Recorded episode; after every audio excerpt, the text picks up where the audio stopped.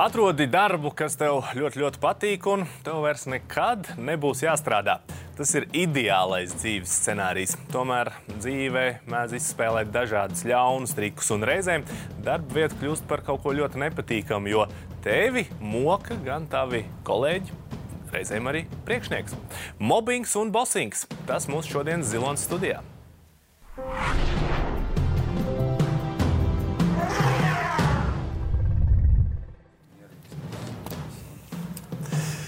Šī raidījuma tēma - mobbings un, bes, uh, mobbings un bossings - ir uh, ļoti interesants gadījums mūsu raidījuma vēsturē, jo mēs saņēmām ļoti daudz pieredzes stāstus. Ar mums dalījās cilvēki anonīmi par to, kā viņiem ir uh, gājis un kam viņi ir gājuši cauri. Tomēr uzrunājot viņus, lai viņi nāk uz studiju un dalās pieredzē šeit, klātienē. Cilvēki atteica, sakot, ka viņiem ir bailes. Bailes par to, kas varētu sekot pēc tam.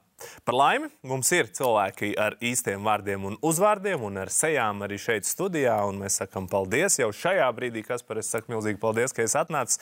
Kas par zāli pie mums šodien studijā, teātris un kino aktieris. Pavisam nesen redzējām tev Daugavpils teātris komēdijā pamatnoteikumu. Tāpat arī tu esi pazīstams TV3 un GO3 skatītājiem attiecību drāmā Rūktās izvēles, un šodien tu arī dalīsies par savu pieredzi darba vidē, kam tu esi gājis cauri. Un tāpat pie mums šodien studijā ir Reinis Lazda organizāciju un sociālais psihologs. Kas par uzreiz sāksim ar tevi? No virsrakstiem mēs šo to zinām, ka tev ir domstarpības ar savu darba devēju bijušas, kas pat ir tālāk aizgājušas līdz tiesas procesam. Tātad tavs darba devējs, Dēls teātris. Izstāst, kas tur īsti notika un kur jūs šobrīd atrodaties? Nu, restīvi, paldies par uzaicinājumu. Tēma tiešām forša. Nu, kas tur notiek? Notiek šobrīd tieši konkrēti notiek tiesas process, gaida augstāko tiesu. Tas viss ir par to, par nepamatotu atlaišanu, nevienlīdzīgu attieksmi pret darbinieku, morālo kaitējumu. Faktiski mēs arī to pierādījām. Agubalu tiesā otrajā instancē mēs uzvarējām. Un tad momentāli mūs pārsūdzēja, un tagad jau vairāk kā gadu gaidām augstāko tiesu. Bet kas tad bija tas brīdis, tad, kad tev atlaida? Tad tu saprati, ka kaut kas nav kārtībā, vai tas jau bija process un tāds nezinu, bumba, kas ripoja, ripoja, un tas sniegs ar vien vairāk? Process, process. Protams, tas bija process. Tas ir arī tas, kas faktiski mani aizrauja šajā visā visvairāk. Tieši šis process, arī šis tiesu process un vispār man. Jau es aizrauju. Aizrauju, jā, kopš bērnības faktiski esmu secinājis to. Es neapzināti esmu pētījis kaut kādas, teiksim, tādas sociumā un indivīda miedarbības, kādēļ teiksim, tiem, kuriem nezinu, kaut vai skolas laikā jau es mācījos centra skolā vai ne, un bija jau šī sociālā nevienlīdzības sajūta. Man, kā teikt, tas nenāca no ļoti turīgas ģimenes vai ne, un tad šis teiksim, kontrasts, kad tur mācās bērni, ir, kuriem tētis vai mamma ir kādā ietekmīgā amatā vai bagātāki, turīgāki, tad šī visa ietekme pārceļās arī uz viņu atvesēm, kā teikt. Un, un, un tad šī varas sajūta jau sāk parādīties jau pat no bērna, kā es bieži vien, kad, kad tu esi kaut kas īpašāks un ietekmīgāks, ja tev tētis ir kaut kas īpašāks jau. Un tas pārnesās kaut kā jau, kā jau kaut kādā tādā apziņā jau kopš bērnības bērniem. Un, nu, jā, kaut kāda. Nu, teātrī jūs tur gluži ar jaunākajiem iPhone nemērties, vai ne? Nē, nē tur cits stāsts. Es, es vienkārši stāstu to dzīves ceļu, kā, Jā. jo man tas viss ir saistīts arī ar profesiju. Līdz ar to varbūt ir tāda nestandarta situācija salīdzinot varbūt, ar citiem. Es tiešām aizraujos un pētu šo visu procesu, kādēļ, kādi ir cēloņi, kur ir mana vaina, kur ir kāda cita vaina, vai varbūt vispār nav neviena vaina. Vienkārši tie ir kaut kādi normāli sociumā procesi, kolektīvās apziņas procesi. Un, tajā visā, kā var eksistēt indivīds, kurš varbūt atšķirās, kuram varbūt nav kaut kāda standartizēta domāšana, kurš varbūt neiedarās kolektīvā, un kā šādam cilvēkam tikt galā ar situāciju, kurā viņš nav vēlams kolektīvā vai kaut kādā konkrētā darba vietā. Tu pieminēji morālo kaitējumu. Nu, kas tad bija tas morālais pārdarījums, par kuru tu saki, man pienāktos kompensācija? Jā, nu, tur ir jāsaprot, tur ir diezgan sarežģīts tas stāsts. Mums kopā bija trīs civillietas tiesvedības, viena ir izbeigta, viena ir procesā, kā jau minēju, augstākajā tiesā iesniegta prasība pret mani. Un trešā lieta ir iesaldēta, kamēr vēl nav atšķirināts tas kamoliņš, otrais posms līdz galam. Vēl. Un, nu, prasība jau tur ir, es jau teicu, tā, tā, tur jāsaprot, jau tas manā atlaide sākās Covid. Mm -hmm. Tas bija 2020. gads, jā, 13. marts, ja nemaldos, sākās Covid visā pasaulē. Es nospēlēju savu pēdējo izrādi. Pat mēs, man liekas, nenospēlējām. Nezinu, pirmo cēlienu tikai nospēlējām, un tad viss pa mājām. Un tad pēc kaut kādas nedēļas piezvanīja, pateica Juris Žagars, dēls tā direktors. Nu, ka, Uh, ir Covid, teātrim nav naudas, uh, jāsamazina štats. Uh, man attiecīgi nav bijusi pietiekama noslodze pēdējo trīs gadu laikā. Komisija kaut kāda mistiska to visu ir vērtējusi, tika piešķirti katram darbiniekam punkti. Uh, kaut kas tāds. Neviens ar tevi nevēlas strādāt. Kaut gan man bija paredzēts divas uh, uh, nu, vadošās lomas, teiksim, tā es jau biju. Uh, mm, Sācis mēģinājumu procesu ar vienu režisoru pie vienas izrādes. Un, uh, Un, jā, un tad uh, es kaut kā, kā zinu, pēkšņi zinu, tā kā apakaliptiska sajūta. Covid, tu esi atlaists. Tas tev bija pārsteigums, vai tu tomēr jau jūti ar uh, Jūriju strādājot, ka kaut kā jums neveidojas šīs Jūriju strādāju jau, nu, kā jau mēs bijām kolēģi sešus gadus, bet viņam mainījās status. Tur bija tas moments, kad uh, Džilingers aizbrauca skatīties ziloņus toreiz uz Indiju, un tad bija tas interesantais uh, stāsts, kā viņu trīs dienās uh, atlaida. Un, nu, tur arī bija tas tāds īpatnējs stāsts. Bet nu, ir, ir, ir ļoti sarežģīti izstāstīt teiksim, nu, tās visas nianses kaut kādas, jo, kā jau es runāju pirms tam, kad tās mentālās lietas un kaut kādas tādas netaustāmās lietas, viņas ir ļoti sarežģīti izstāstīt, pierādīt arī tiesu procesā. Līdz ar to tur ir jārunā par konkrētiem faktiem. Tāpēc es negribu izplūst kaut kādās personālajās baigi un kaut kādos mistiskos stāstos par to visu. Bet nu, tas bija iekšēji man man bija sajūta jau vēl pirms tas notika. Jau kad es atnācu uz dēls teātru, man nebija viegli. Es saskāros faktiski arī ar šo.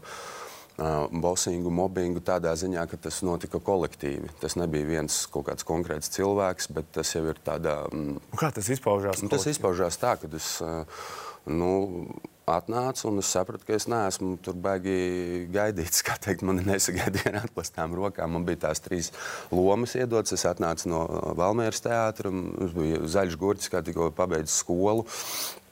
Un, zin, kā, man viss tas bija jauns, un tad pēkšņi es saskāros ar to, ka uh, mani izsauca uh, teātris mākslinieckais vadītājs teica, ka par tevi sūdzās un kaut ko dara. Es, es biju apjucis, es nesapratu. Un, un, un tā sajūta ir tāda iekšēji ļoti nospiedoša. Nu, nu, grūti izstāstīt. Tas ir tāds, tāda sajūta, ka tu, kaut kas, tu dari kaut ko nepareizi. Tu esi kaut kas tāds Nezinu, Viņš apšauba sevi arī. Laiku, sāc sevi apšaubīt. Un būtībā tu sāc sevi, tas, tā kolektīvā apziņa, ka tevi, sāk, ka tevi kolektīvi, kā teikt, sāk spiest.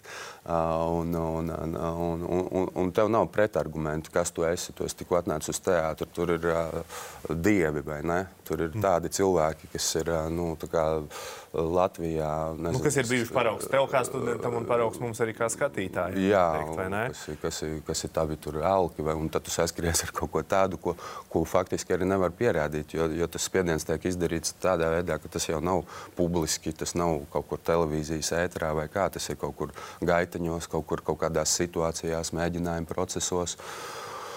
Un es saku, mm, nu, to ir ļoti sarežģīti kaut kā izstāstīt, bet tās sajūtas ir ļoti nepatīkamas. Un, bet, uh, man paveicies ar to, ka es tiešām, kā jau redzējuma sākumā minēju, veicu pašanalīzi un vispār analīzi e, kā tādu attiecībā pret sevi un uh, kaut kādām struktūru vienībām un, un, un citiem cilvēkiem. Bet šobrīd tu esi atjaunots dēls teātrī. Jā, es esmu gadu, tie, tiesas lēmums stājās spēkā nekavējoties, man atjaunoja amatā, piedzina no dēls teātra morālu, kā morālā kompensācija, dīkstāvis kompensācija. Pa, par vienu gadu, ko man nemaksāja algu, ko, un, un, jā, un pierādījām nevienlīdzīgu attieksmi. Un tagad notiek tas, ka Uh, faktiski tur ir līgumā tāds punkts, aktieru meistarības kvalifikācijas celšanas nolūkos, uh, pa cik man nedod tiešos pienākumus, uh, veidot izrādes, spēlēt izrādes, kas ir mani kā, tiešie pienākumi kā, kā aktierim.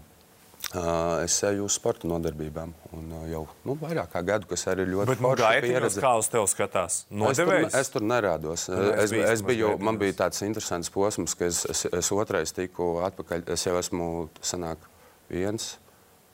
Otra reize atpakaļ teātrī. Tā pirmā reize bija, kad man atlaida. Es nespēju izstāstīt vienkārši to ķēdīti. Es saku, tur tā diezgan sarežģīti, bet uh, bija tā atlaišana.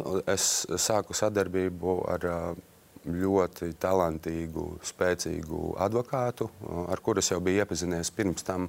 Viņš nāca uz izrādēm, skatījās manas filmas. Es savukārt interesējos, es gribēju veidot izrādi cietumā. Un viņam bija viņa stāsti par viņa profesiju, viņa pieredze. Un, nu, bija tāda ļoti radoša miedarbība. Tad es nākamajā dienā, kad mani atlaida, uh, bija tas pirmais apjukuma moments, un tas ir tas, ko es vēlos varbūt padalīties ar pārējiem, arī skatītājiem, kā šādās situācijās rīkoties. Nevis čikstēt, vai cik man slikti vai kas, bet to, uh, es... tās pieredzes tās mēs noteikti vēl arī dzirdēsim raidījuma gaitā. Pastīsimies vēl kādu stāstu, Reini, pirms mēs uzklausīsim tavu viedokli par dzirdēto. Ar mums pieredzē dalījās par toksisku darbu vidu un diezgan necilvēcīgu attieksmi pret darbiniekiem Zana. Zana strādāja apģērbu un apavveikalu tīklā, kuram bija veikali pa visu Latviju. Kāds tad ir viņas stāsts? Paklausīsimies. Ka vienmēr pirms algas dienām tika izdomāti dažādi dažādas pārbaudes vai arī dažādi iemesli, lai algas dienā to, to algu samazinātu. Un tad, kad mums bija lielās sapulces, um, lielā tādā konferenču telpā, tad arī diezgan izteikti tika pazemoti šie cilvēki par to, ka vai nu plāns netiek izpildīts, vai arī um, vadībai nepatika kāda pārdevēja, kura bija apaļāka vai neatbilda tur 90, 60, 90. Un, uh, nu, pārsvarā te bija tāds resna cūka, ko tu vispār te atļaujies, paskaties uz sevīm, kāda tu izskaties, un tu man tagad muti virināsi, man ir tādi kontakti, ka tu vairs nekad savu darbu nedabūsi. Tā, un tas viss bija publiski sapulču laikā. Un, ja citreiz arī, piemēram, ja mēs iepirkām kolekcijas un kaut kāda kolekcija tur neaiziet, un nākamreiz vispārībā es tev algu samaksāšu tajās kurpēs vai tajos apavos, kur mums neviens pāris nav nopirks, paskaties, kāda tev gaume, ja, ja, ja mums tie cilvēki nepērk. Jo, jo tas laiks, ko mēs pavadām darbā, tas ir milzīga daļa no mūsu ikdienas. Un, ja tu, ta, ja tu dzīvo milzīgā stresā un sevi nenovērtē, tas jau kaut kad ar kaut kādu laiku nāk atpakaļ caur, caur tavu ķermeni, caur dažādām saslimšanām, caur attiecībām arī ar citiem cilvēkiem. Bet tas nav to vērts. Un, un uh, it sevišķi, piemēram, mums bija izteikti tas reģionos, uh, jo reģionos jau ar to darbu ir bišķiņš švakāk, un tajā laikā tev bija jābūt tiešām pateicīgam par to, ka tev pieņem darbā vienalga vai pa pārdevēju vai pa vadītāju,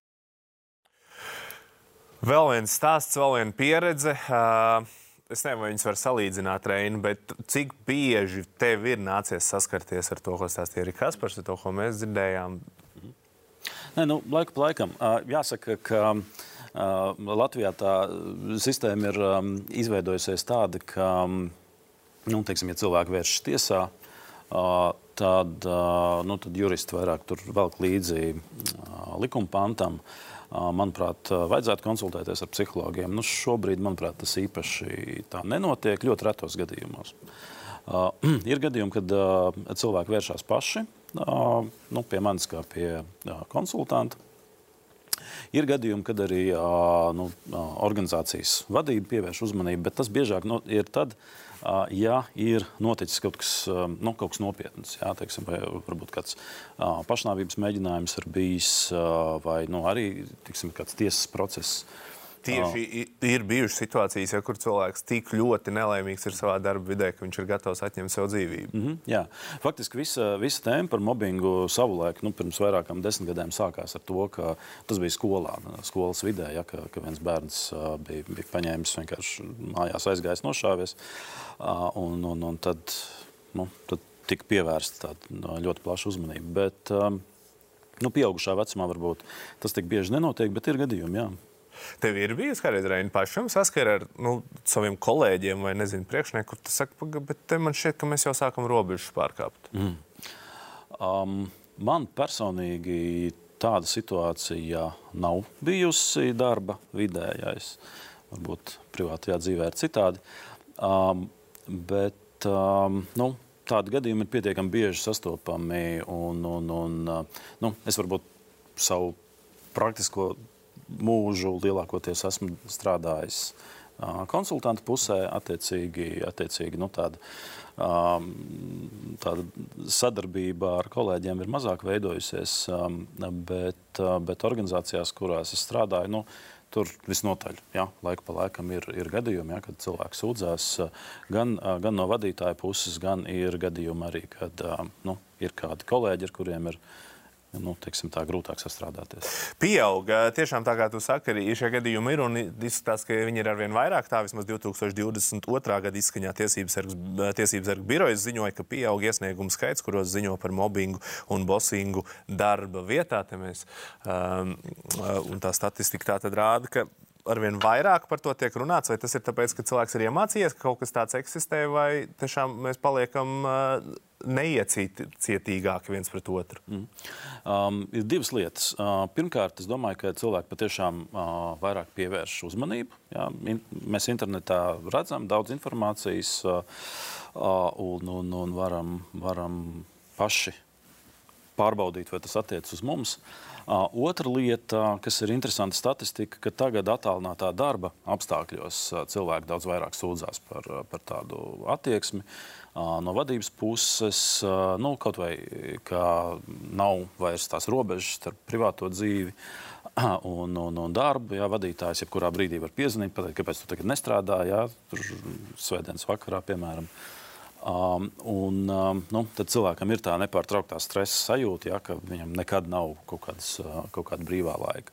Tā, tās ir divas dažādas lietas. Um, trešā lieta, kam noteikti ir nozīme, ir, ka tomēr mainās arī mūsu uh, darba vide. Um, mainās uh, tas, ka darba pienākumi kļūst uh, sarežģītāki. Um, un, um, tiklīdz kā ir sarežģītāki darba pienākumi, ja tur nevis tur strādā rūpnīcā, tur uztaisa savu, uh, kas tev tur jāuztaisa, bet uh, nu, kaut kāds dokuments jāizveido. Ja? Ir, ir daudz grūtāk pateikt, kurā brīdī tas, tas darbs ir labi izdarīts un kurā nav. Tad tas kļūst ar vien subjektīvāk. Un tiklīdz mums ir vieta subjektivitātei, tā parādās iespēja nu, šīs robežas sākt pārkāpt nu, nemanāmi. Jo mobbings, kad mēs runājam par mobbingu, mēs runājam par to, ka tā, ka tā rīcība ir kaut kur uz robežas, mm. kaut kur drusku viņai pāri. Ja? Tiksim, ja tas ir atsevišķs gadījums, nu, gadījās. Uh, mobbings ir tad, ja tas sāk kļūt sistemātiski. Uh, To atšķirību starp mobbingu, bosingu un toksisku vidi mēs arī mēģināsim saprast un izdalīt, lai katram būtu skaidrs. Tāpat raidījuma turpinājumā mums pievienosies integrālais kočs un dzirdēsim arī kādu anonīmu stāstu no jaunietes, kas piedzīvoja mobbingu no kolēģiem kafejnīcā. Tiekamies pēc brīža!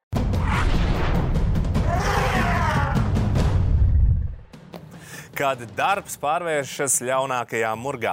Arvien biežāk tā rāda statistika. Darbinieki sūdzas par mobbingu savā darba vietā vai bosingu savā darba vietā, un tas tad arī ir mūsu šodienas zilonis studijā.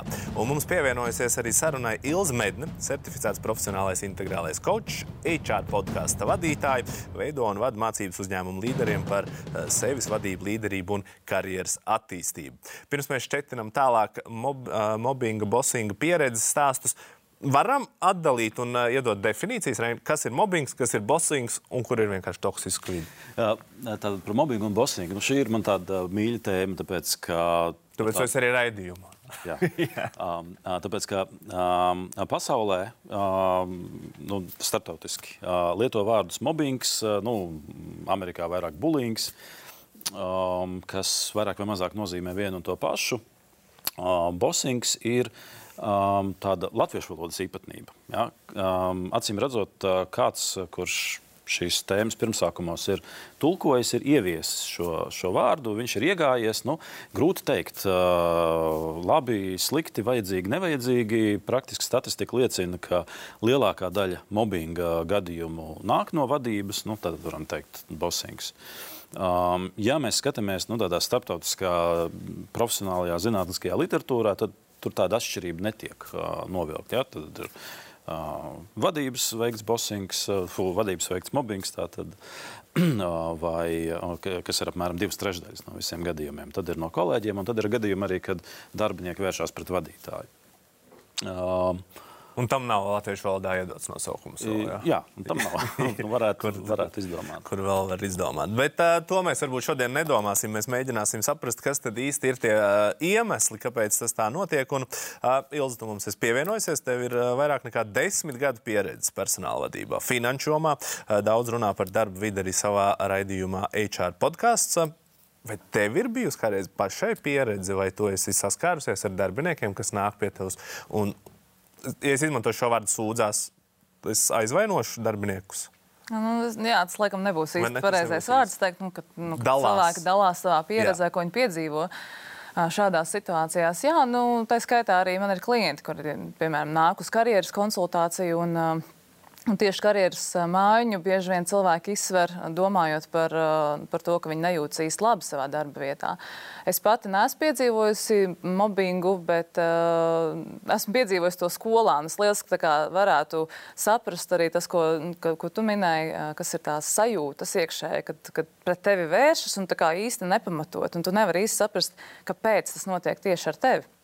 Tāpēc, jā, un, un Es teiktu, ka tā ir diezgan liela nelaime, kas uh, ir piemeklējusi organizāciju, kurā šādas lietas notiek. Uh, jo, nu, droši vien mēs par to tālāk runāsim, kas tās sekas, bet nu, tas, ko es noteikti gribu minēt, ka tas ir liels zaudējums organizācijām, kurām ir vai šādi vadītāji vai darbinieki, kas piedzīvo šādas situācijas, jo nu, tas ir pirmkārt tā, tā tiek zaudēta konkurētspēja, tiek zaudēti profesionāli darbinieki, cilvēki cieši no psihiskās veselības uh, problēmām un uh, tas ietekmē mūsu sabiedrību kopumā. Tā kā, nu, tam ir ļoti liels un um, dziļas sekas.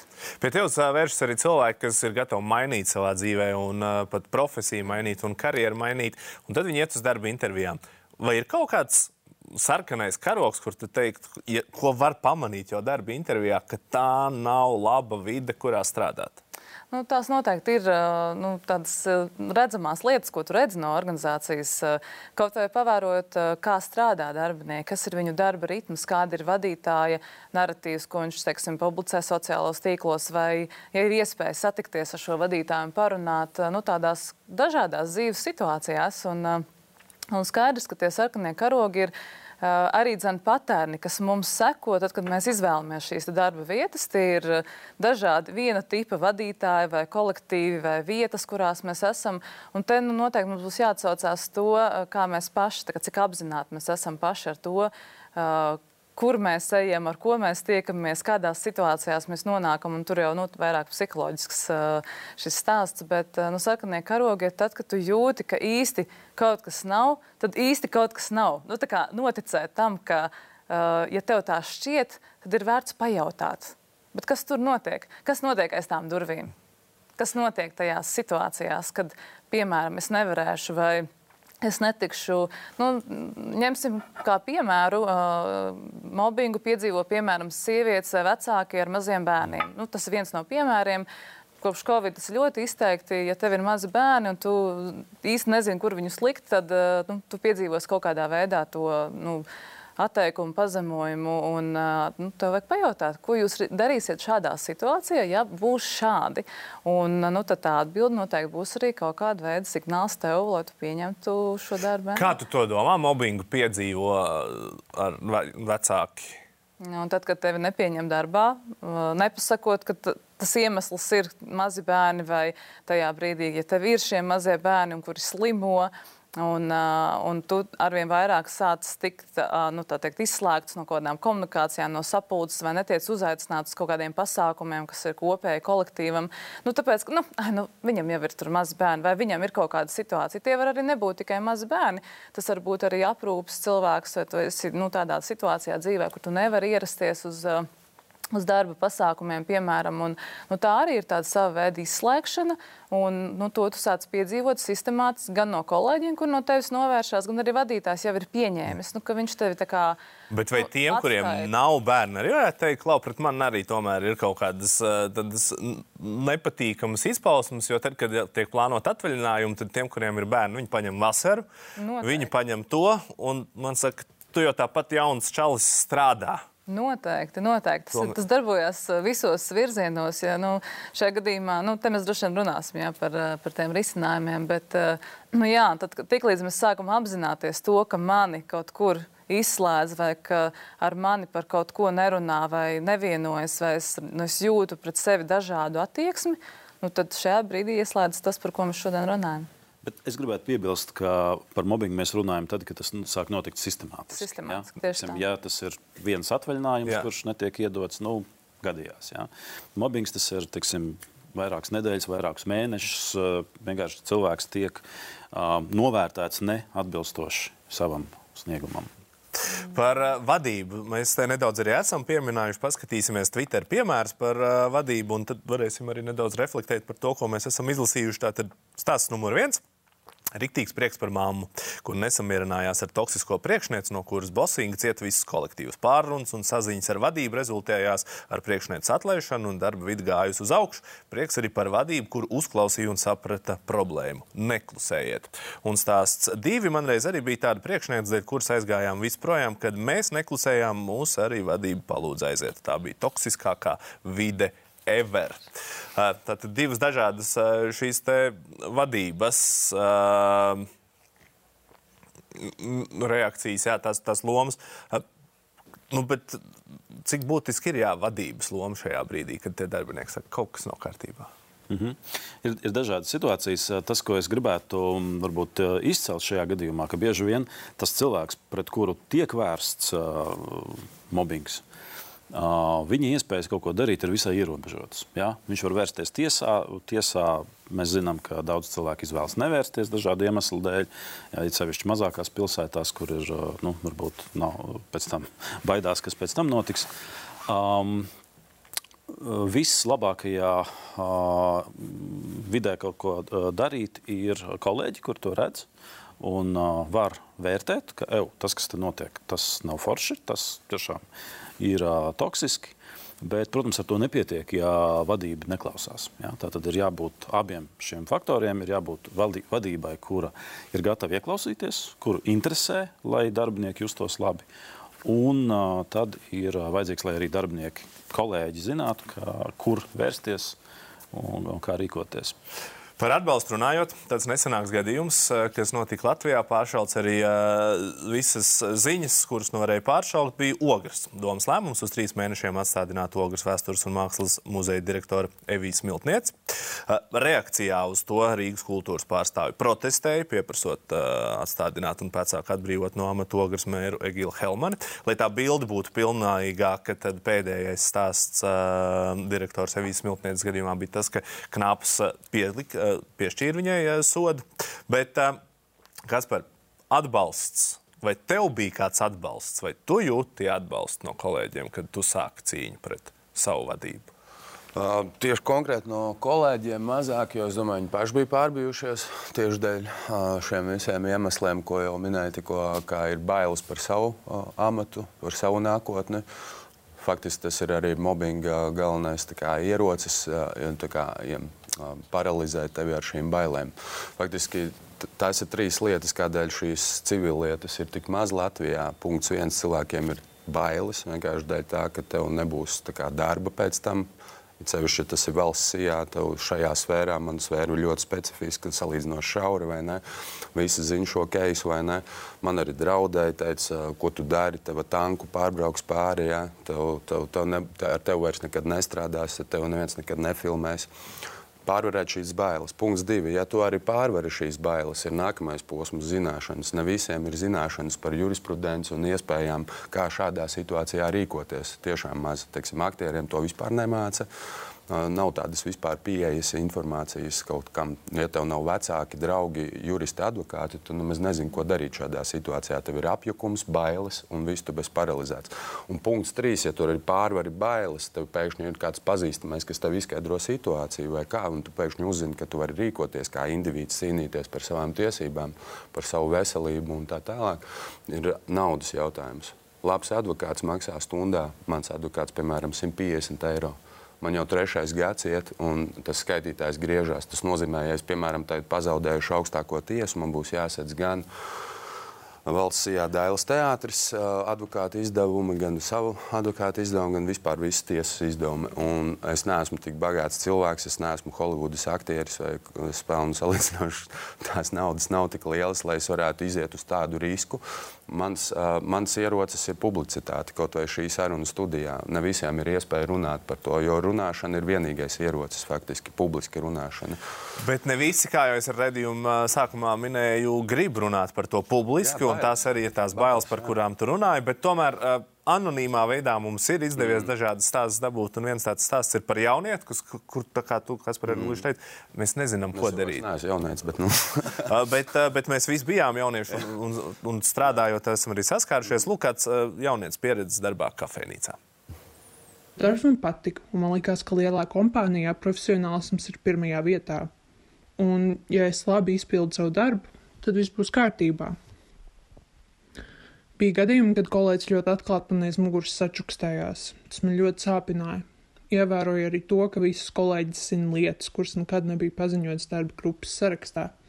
Esmu pārliecināta, ka viņas bija uztaisījušas jaunu grupas sarakstu bez manis. Un tad, trīs dienas pirms man beidzās pārbaudas laiks, atbrauc reģionālā vadītāja un uzteica man līgumu. Tas man ļoti satricināja, jo man tika stāstīts, ka tikšu paaugstināt, nevis atlaist, un es ļoti to momentu gaidīju. Visas kolēģis man gatavoja testam, lai man būtu algas paaugstinājums, kaut gan visas kolēģis jau zināja, ka man atlaidīs. Reģionālā vadītāja teica, ka manas atlaišana bija komandas lēmums, un nevis tāpēc, ka es darītu savu darbu nepareizi, man pat uzslavēja, ka es savu darbu darot ļoti labi, bet tāpēc, ka es vienkārši neiedaroties komandā. Kad gāju pakaļ savām mantām, Mans kolēģis man neteica pilnīgi neko. Toreiz man tas lika justies ļoti pazemotai, stulbai, vienai, un es vienkārši jutos slikti pati par sevi, jo es pat neko sliktu nebiju izdarījusi. Man bija ļoti grūti atrast darbu pēc tam. Es meklēju vairākus mēnešus. Ilgi par darba atrašanu un vispār spēju tālāk strādāt, kad tu esi izgājis kaut kam tādam, kā mēs tikko dzirdējām. Tas, ir, nu, tas man šeit arī ir diezgan mokoši. Jā, es arī klausījos, man pilnīgi iekšēji satricināja tā, nu, tas stāsts. Un tādu stāstu ir ļoti daudz. Tādu stāstu tiešām jā, mēs nedzirdam publiski šo stāstu. Skaidrs, ka tas var. Nu, To noteikti psihologi, psihoterapeiti, koči apstiprinās, ka tas var ilgt gadiem, kad cilvēks nevar atgūt savas pārliecību par sevi, šīs prasmes, un, un vēlreiz kā, spērt kāju kādā organizācijā. Un tāpēc es teicu, ka šī ir milzīga problēma, toksiska darba vide, šis nēsošais atbalsts, mācību nēsamība, kur nec vadītājiem, nec darbiniekiem netiek stāstīts par to, ka var būt šāda situācija un ko darīt šādās situācijās. Un, Un tas galvenais, manuprāt, ir šis cilvēcīgo prasmju uh, neapzināšanās un nemācīšanas efekts. Uh, ka nu, soft skills ir kaut kas, par ko mums nevajag runāt organizācijā, ka mums nevajag mācīties. Mēs liels dzirdējām šo piemēru, šīs cilvēcīgās prasmes, nu, kas mm. pāršarā pazīstams kā soft skills un hard skills, kā to iedala. Šīs cilvēcīgās um, sadarbības prasmes, klausīšanās, eh, empātija, emocionāla inteligence. Šīs ir visas lietas, kuras patiesībā mēs šeit dzirdējām šajā stāstā, kuras, ja cilvēki būtu gan trenējušies, gan zinājuši, gan runājuši par šīm lietām jau sākot no vadības līmeņa, tas var ietekmēt šīs situācijas iznākumu. Ja kaut viens cilvēks no šī kolektīva uh, ziņotu, vai būtu šāda iespēja ziņot, un būtu organizācijā izstrādāta šāda sistēma, un par to būtu komunicēts, uh, šāda situācija nevarētu notikt, un viņa nepārāk nepaliktu bez sekām, bez ievērības. Šis cilvēks aizietu, Viņam nebūtu jāsteigā pašam, jāmeklē advokāti un jāmeklē tiesa, tiesa kā, kā pieteikties uh, un, un glābt šo situāciju, bet ka viņam būtu jau šis scenārijs skaidrs. Tad pret tevi vērsās, pret tevi bija šāda situācija, pret, un, un tev ir jārīkojas šādi. Tāpēc nu, tam atbalstam viņam būtu gan jābūt uh, spēcīgākam, gan arī labāk nokomunicētam, un, un, un cilvēkiem būtu jābūt uh, un jājūtas daudz pasargātākiem šādās situācijās, jo tas noteikti šobrīd. Nu, tā tas nenotiek. Jā. Tad, uh, mēs zinām, ka ir cilvēki, kurš šo piedzīvo, bet viņi negrib publiski runāt. Un, ja tie, kas ir runājuši publiski, ja mums ir Latvijā vairāk gadījumu, kur, uh, kur cilvēki gan ir tiesājušies, gan arī nu, augstos amatos esoši, ir izcīnījuši šo tiesas procesu, bet kas ar viņiem notiek tālāk? tālāk? Kā viņi jūtas, kā viņi turpina strādāt, vai viņi vēlas tur turpināt strādāt. Tas, es domāju, ka tas ir gads, divi varbūt. Nu, tas šobrīd kā, nu, domāju, ka tas tā varētu būt, ka šie cilvēki paliks šajā darba vietā. Un, ja nekas nemainīsies iekšējā kultūrā, nekas netiks pārunāts ar esošiem darbiniekiem, nekas netiks mācīts vadītājiem, netiks šis, šīs sistēma mainīta, jo, nu, kā mēs zinām, tam jābūt sistemātiskam procesam, netiek mainīti darba novērtēšanas procesi, netiek cilvēkiem skaidrots, nu, pēc kādiem parametriem mēs varam kā, saprast, vai tu esi Jā. labi darba veids vai sliktu. Mēģināsim saprast, Jā. kā pamanīt to mobbingu, kādas veselības problēmas tas vispār var atstāt arī uz cilvēku pēc brīža. Tiekamies!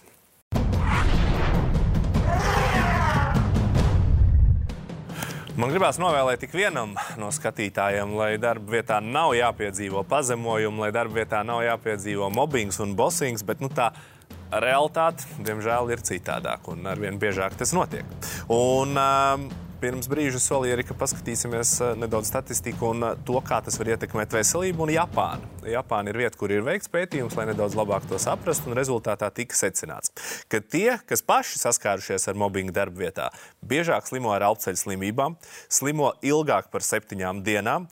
Cilvēki, kas bijuši mobbingu upuri darba vietā, darba nespējīgi ir vidēji 4,5 dienas ilgāk, viņu darba uzdevuma veiktspēja ir par 11% vājāk nekā tiem, kas ar mobbingu nav saskārušies saskārušies. Nu, tā tad mēs varam runāt par veselības problēmām, kas par to var runāt, par to, ka tas, kam tu esi gājis cauri šos trīs gadus, ir atstājis arī uz tevi veselības kaut kādas sekas. Es, manā gadījumā es saku, varbūt tas ir tāds nestandards, man tas ir padarījis tikai stiprāku, jo nu, es, nezinu, es esmu tāds varbūt. Um, savā ziņā nestandarta profesija, arī kur man ir kā, profesijas sastāvdaļa pētīt visus šos procesus. Un tā, un es to esmu izmantojis kā tādu dzinēju pašam sev šo pētniecības procesu kā tādu.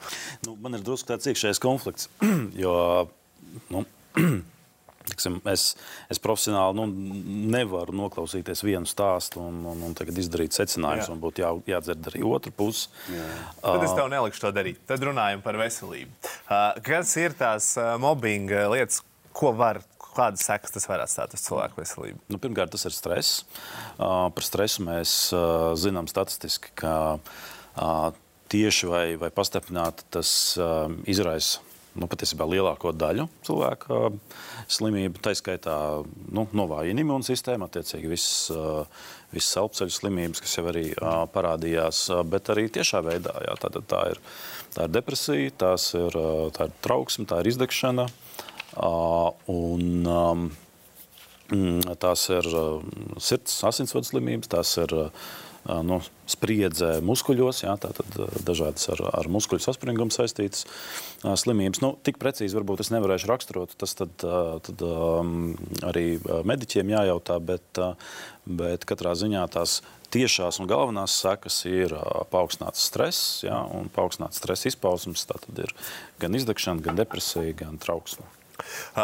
Kā pamanīt to, ka ir noticis mobbings tavā darba vietā? Tiesības sargs ir sagatavojis tādu vizuālu un informatīvu materiālu. Tas pieejams uh, internetu vietnē tiesībsargs.lv. Uh, tur visu var arī izlasīt un iepazīties. Ilz, kāds būtu tas tavs ieteikums, uh, tuvojoties arī mūsu sarunas noslēgumam? Cilvēks jūt, ka kaut kas nav kārtībā. Bet viņš nesaprot īsti. Varbūt, kā, kā Kaspars saka, es sāku uzdot jautājumu, varbūt es esmu vainīgs Jā. pie tā, vai ne? Mm. Ko darīt? Kā tālāk? Kas ir tie soļi, ko spērt? noklausījos stāstu, man, man arī gribējās teikt, ka jā, es gribu dzirdēt arī to otru pusi, bet pirmkārt gribēju pakomentēt, ka tas ir nepiedodami, ka nu, tiek mērķiecīgi veidot tāda sistēma un arī pārējie profesionāļi ievilkt šādā schēmā, kur mēs mēģinam iznīcināt kādu darbinieku, bet nu, skaidrs, ka tur tiešām jābūt otrai pusē. Bet noteikti organizācijās nu, tas, pie kā tu vari vērsties, tas ir personāla vadītājs. Nu, tam būtu jābūt, tā, tam būtu jābūt tam, nu, draugam kaut kādā ziņā vai drošai videi, kurā tu vari pastāstīt to, kas notiek. Nu, vadītājs šajā gadījumā arī būtu šī vieta, ja tas nav tas pats cilvēks, kurš veic šo te, uh, mobbingu vai bosingu. Nu, tā, tā būtu jābūt šai drošai vietai. Nu, tad skaidrs arī šie ziņošanas, zi, ziņošanas iespējas, darba valsts inspekcija, nu, šie visi ārējie palīgi, kas var palīdzēt. Uh, ziņot, bet uh, noteikti nepalikt pašam, vienam pašam ar šo situāciju. Nepalikt pie sevis, kad tu sāc jau domāt, ka ar tevi kaut kas nav kārtībā. Tāpēc nu, šajā gadījumā nu, tā runāšana, tas, tas ir tas palīdzošais. Uh, noslēgumā, kas par tā augstākā tiesa beigsies, tev ir sajūta, ka tu spēsi nezinu, piedot vai turpināt būt Dēls teātris 75. telpā bez logiem? Jā, es, es noteikti esmu piedevis, es esmu izpētījis, tic man, šo situāciju no A līdz Z, runājis ar viediem cilvēkiem, konsultējies un um, esmu krustu šķērs pārskatījis šo situāciju, jo man profesija to paģēra. Kā teikt, skatīties, skatīties uz situāciju no dažādiem skatu punktiem. Es domāju, ka, protams, ja atlaistu Juri Žagaru, Viesturu Kairišu un vispār mainītu sistēmu kā tādu Latvijas teātros pilnīgi visos, Jo tas ir vēl viena tēma, par ko es esmu runājis, kas Latvijā jau ir bijusi iestagnējusi. Viņa jau nu, kopš padomju laikiem, un ne tikai teātris pasaulē, tas ir šī štatu sistēma, kur ir šis uh, vadības princips, ir kaut kāda cilvēku grupa, kas kontrolē to visu. Restīvi konkrētu mākslas telpu, vai ne? Un tu kā indivīds, kā radošs cilvēks, ja tu atnāc uz viņu, un tu jau esi jau jau no pirmās dienas faktiski atkarīgs no viņu labvēlības, mm. vai ne? Vai nu to patīc vai nē, tad īsti tas nav tas, tas, tas īstais ceļš, būtu tā veselīgā konkurence, kad, piemēram, ir piemēri, nezinu, Skandināvija, Anglija, kur nav štatu sistēmu, kur tu vari. Teiksim, tas jau mums būs kāds cits zilonis nu, studijā, jā, par es, kur es mēs varēsim. Stāstu, es, es esmu gatavs jā. piedot uh, visiem visu un, uh, un, jā, un, un gatavs strādāt, ko es arī daru. Būtībā dalos jā. ar šo pieredzi, kas arī ir savā ziņā mana misija, jo man ir iespēja runāt par to. Un, uh, jā. Jā. Paldies tev par to. Paldies arī Rēnim. Paldies uh, visiem, kas šodien viesojās pie mums studijā. Uh, šis bija raidījums Zilonas studijā. Ar saviem pieredzes stāstiem mēs tos labprāt arī uzklausīsim. Varat dalīties TV3.CLV slīpas Vītras Zilonas, kā arī klausieties uh, Zilonas studijā visās raidierakstu platformās. Visu labu!